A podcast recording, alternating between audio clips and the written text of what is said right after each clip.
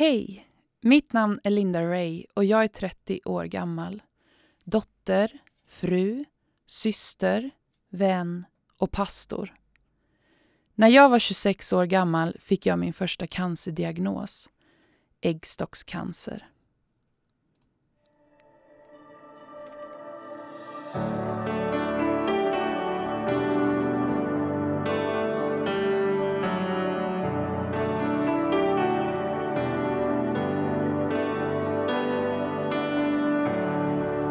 Your story is my fingerprint in the valley. There is confidence in the shadow. I will be your strength. One thing's for sure. I am your Lord.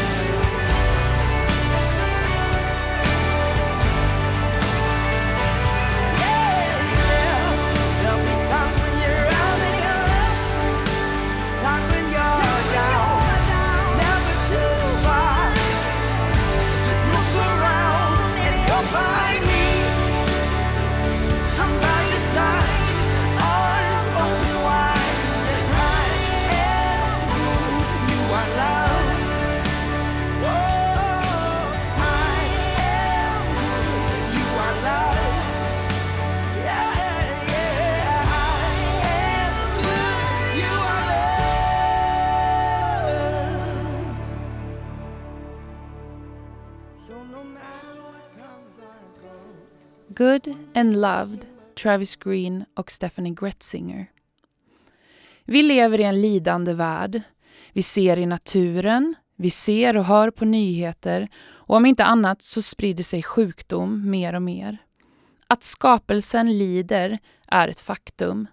Men jag tänkte aldrig att det skulle drabba mig. Jag var ung, livet hade precis börjat och den lyckliga framtiden låg framför mig med alla möjligheter i världen. Jag talar här inför er med all respekt och ödmjukhet för det jag ska tala om idag. Jag har varit med om ett slags lidande, du har förmodligen det också. Man måste vara ödmjuk för det svåra, var det en klok person som en gång sa, och så känner jag verkligen idag. Jag vill ta med er på min resa från att jag som 26-åring fick mitt första cancerbesked till att idag stå här 30 år gammal, fortfarande levande och it is well with my soul. Min förhoppning är att ni ska bli uppmuntrade, stärkta och se Guds avtryck genom min resa. Jag är uppvuxen med att min mamma var hemma med mig och mina två bröder och som tonåring längtade jag efter samma sak. Att få bli mamma och ha många barn. I april 2016 gifte jag mig med min Stilla havsman som jag några år tidigare träffat på Hawaii under min bibelskola. Aloha! Redan i maj får vi det glädjande beskedet att jag är gravid. Men något står inte rätt till. Min mage börjar efter ett par veckor växa hejdlöst snabbt. Efter ett helt gäng barnmorskor försökt efter otaliga undersökningar att komma underfund med vad det egentligen är som det ser på ultraljudet så konstateras det att jag har en enorm klump i min mage vid sidan av min livmoder som inte ska vara där.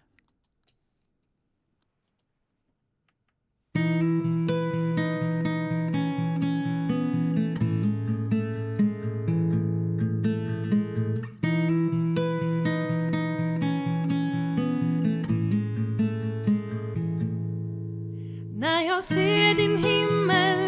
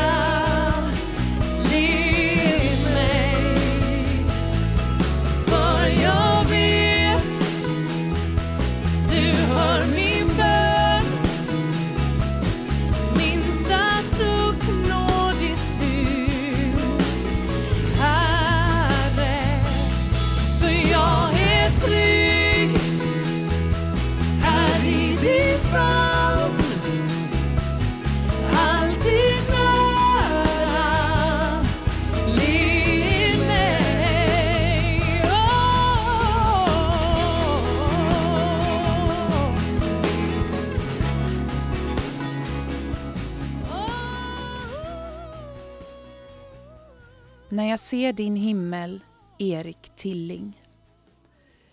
I juli 2016 upptäcks på röntgen en tumör ungefär lika stor som en handboll på vänstra äggstocken. Följande månad kommer följas av hopp och förtvivlan. Läkarna trodde att det var mer eller mindre omöjligt att den skulle vara cancerös i min ålder. Men framförallt samtidigt som jag var gravid. I augusti genomgår jag min första operation och vid detta laget har jag tappat kontrollen över allt. Allt gick så fort. Det kändes som att jag bara följde med på ett rullband. Från den ena undersökningen till den andra operationen. Ångesten hade tagit ett hårt grepp om mig och jag kunde inte se en utväg. Operationen har gått förhållandevis bra, säger kirurgen som har i uppgift att kolla till mig och berätta hur operationen gick. Jag kunde se att han var ganska omtumlad. Vi lyfte ut en tumör på 2,5 kilo ur din mage. Den var fastkilad i ditt bäcken. Dessutom hittade vi ännu en tumör på din högra äggstock. Jag gillar inte det. Orden ekar fortfarande idag och att gå till denna minnesbank är ännu idag smärtsamt. Det beslutas att jag ska opereras ännu en gång för att ta bort resten av cancern och organ som har tagit till skada. Mitt barn överlevde inte.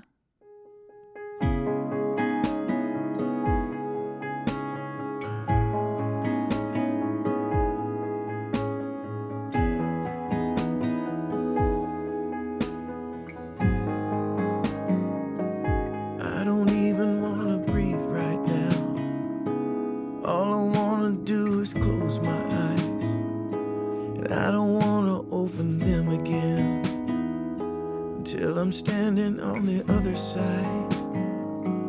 I don't even wanna be right now. I don't wanna think another thought. And I don't wanna feel this pain I feel. But right now, pain is all I've got. It feels like it's all I've got. But I know it's not. No, I know you're all I've got. And I will trust you.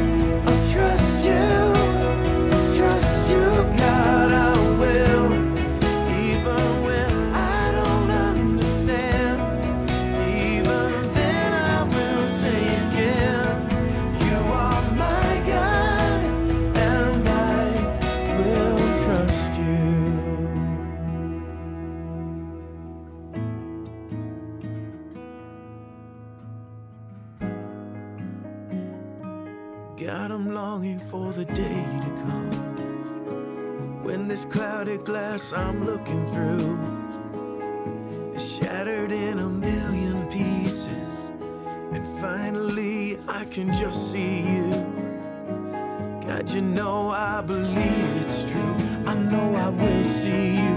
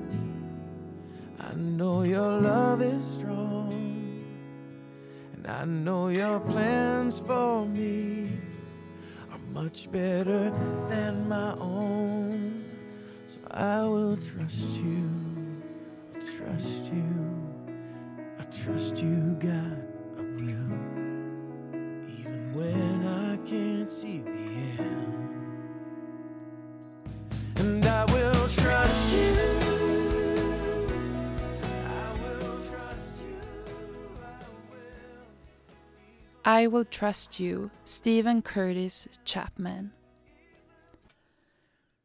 Du ser ut som ett fluffigt lamm, flinar min bror efter att ha klappat mig på huvudet. Mitt hår hade precis börjat växa ut. Knallvitt, lockigt hår. Jag har en cellgiftsbehandling kvar. min sista, sex av sex. En oerhört hektisk höst har jag i min ryggsäck. Och jag har inte orkat något. Så mycket mörker, ångest, sorg och förvirring. Frågorna hade inte ett slut. Hur kunde Gud tillåta detta? Varför tillät Gud mig att bli gravid men sedan förlora barnet? Hur kan Gud ha kontroll? Hur kan Gud älska mig och låta mig genomgå så mycket lidande? Jag brottades mycket med att tillåta mig själv att vara arg på Gud. Teoretiskt sett visste jag ju att han inte förtjänade det och jag var chockad över att det var så svårt. En författare som jag tycker väldigt mycket om, som heter Magnus Malm, skriver i en av sina böcker All sanning är en kontaktyta med Gud, hur oandlig den än verkar. All lögn skiljer oss från Gud, hur andlig den än verkar. Det var när jag fick vara ärlig med Gud, hur orättvist det än må ha varit, som jag sakta fick börja läka. Jag kunde börja se att Gud hade gjort mirakulösa saker under min resa, skänkt mig tro och hopp i de mörkaste av dalar, talat liv in i mig och min kropp när ingen annan kunde ge goda nyheter. Våren fortsatte med mycket, mycket frågor och speciellt frågorna om meningen med livet. Hur kommer jag någonsin kunna bli lycklig igen? Hur lever jag medveten om att jag kan dö? Alla mina drömmar om familj, barn, resande, mission kände jag att det bara hade gått i kras. Men Gud hade verkligen drabbat mitt sinne och jag vet att jag vet att jag vet att Gud har gett mig ett gudagivet uppdrag. Han har kallat mig och han har en framtid för mig. Saltaren kapitel 42, vers 2 säger Varför så bedrövad min själ? Varför så orolig i mig? Jag hoppas på Gud. Jag ska åter få tacka honom, min frälsning och min Gud.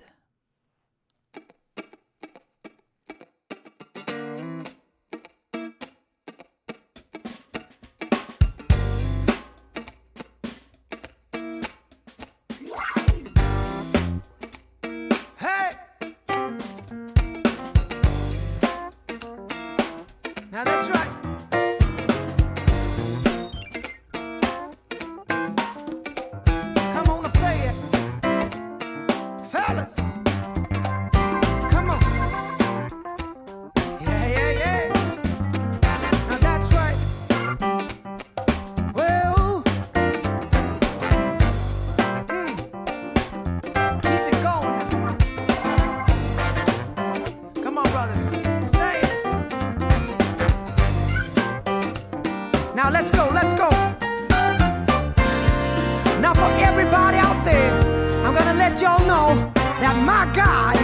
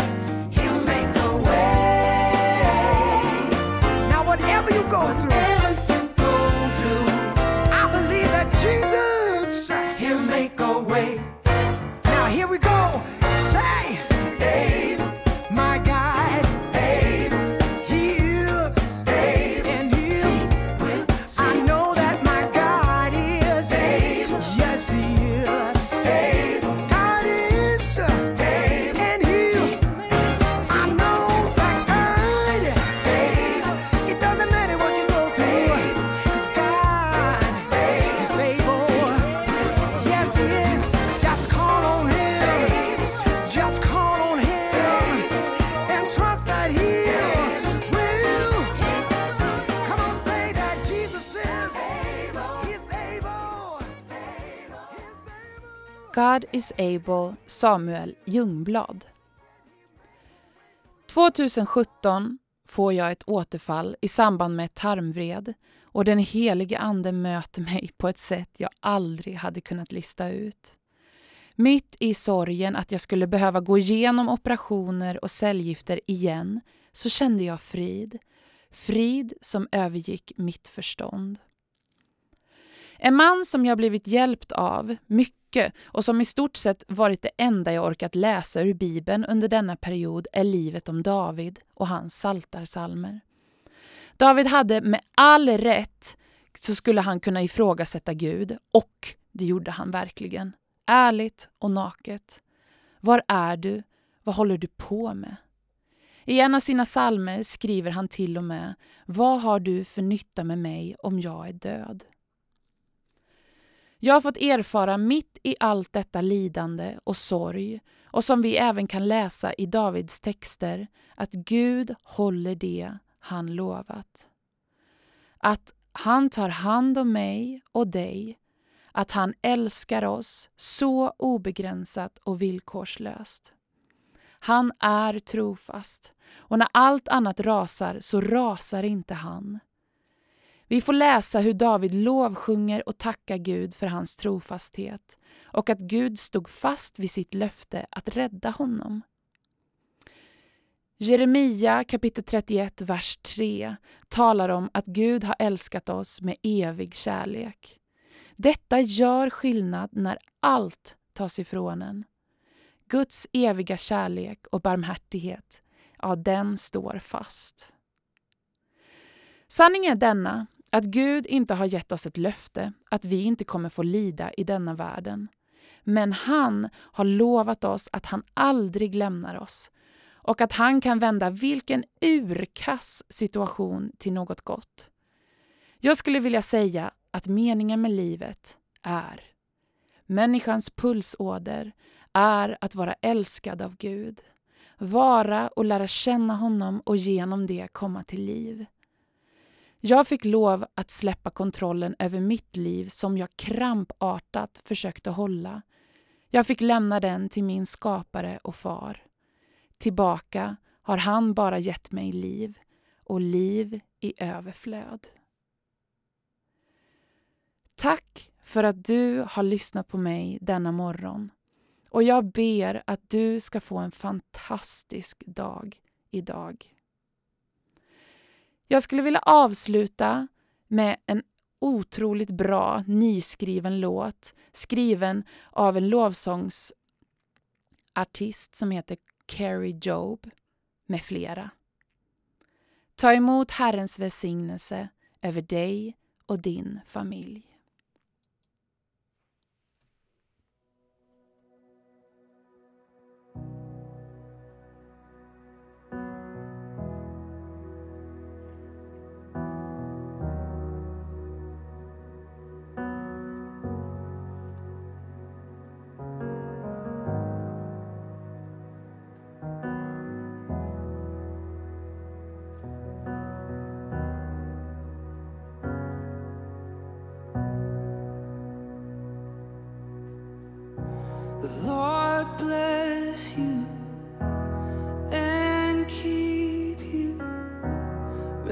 his face shine upon you and be gracious to you.